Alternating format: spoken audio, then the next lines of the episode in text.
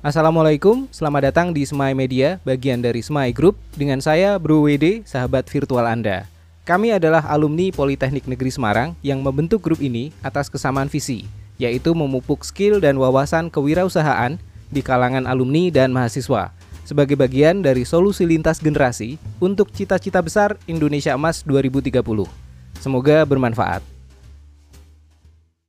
Melanjutkan episode sebelumnya, kadang ada pertanyaan dari yang masih sekolah, kuliah, atau yang saat ini bekerja, apa sih tandanya kalau seseorang itu sudah siap untuk usaha?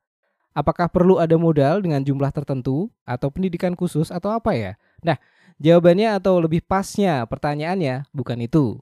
Teman-teman semua, ada beberapa pertanyaan yang bisa digunakan untuk mengecek apakah seseorang sudah siap untuk nyemplung berwirausaha.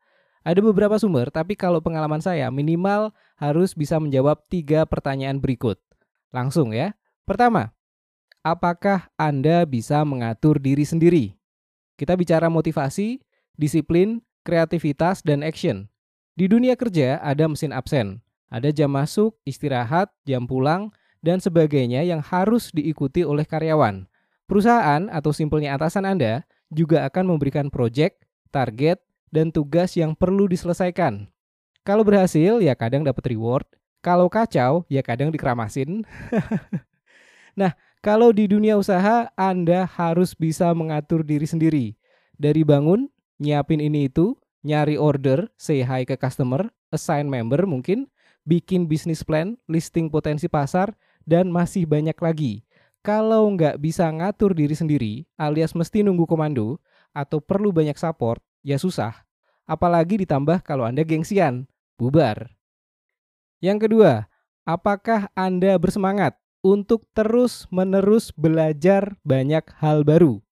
Dalam usaha ada tiga peran, teknisi, manajemen, dan entrepreneur. Selengkapnya ada di buku E-Myth Michael Igerber.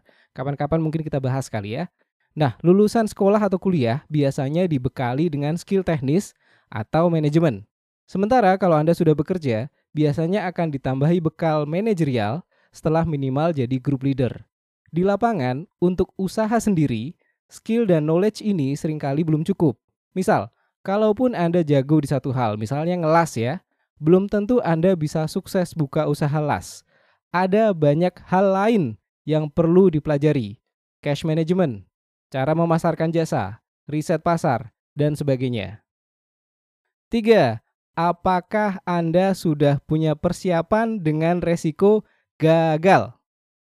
Kita bisa meminimalisir resiko pakai konsep lean startup. Tapi resiko gagal itu selalu ada. Gagal memang peluang belajar. Tapi realistis ya, ini berarti akan makan resource. Dana, waktu, tenaga, pikiran. Empat itu deh. Ya, minimal Anda harus punya tabungan resource. In case yang dikerjakan belum berhasil gitu ya. Dan perlu diingat, ada efek lain dari kegagalan. Efek psikologis, kenanya di mental. Kalau Anda nggak siap ketemu gagal, yang ada tuh malah dwelling, berkubang dalam kesedihan. Bukannya dapat poin belajar, malah jadi tambah down. Dan Anda nggak punya atasan yang bisa diminta untuk coaching dan konseling loh.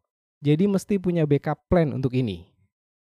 Kalau dari tiga pertanyaan tadi ada satu saja yang jawabannya tidak atau mungkin masih ragu-ragu, besar kemungkinan Anda belum siap. Jadi simple. Satu, apakah Anda bisa mengatur diri sendiri? Dua, apakah Anda bersemangat belajar banyak hal baru? Dan tiga, apakah Anda sudah siap dengan resiko gagal? Itu saja, semoga bermanfaat. Stay safe, tetap semangat. Sampai ketemu di episode berikutnya. Bye. Itu saja untuk kali ini. Jangan lupa subscribe dan tunggu episode seru berikutnya di channel ini. Have the best day. Wassalamualaikum.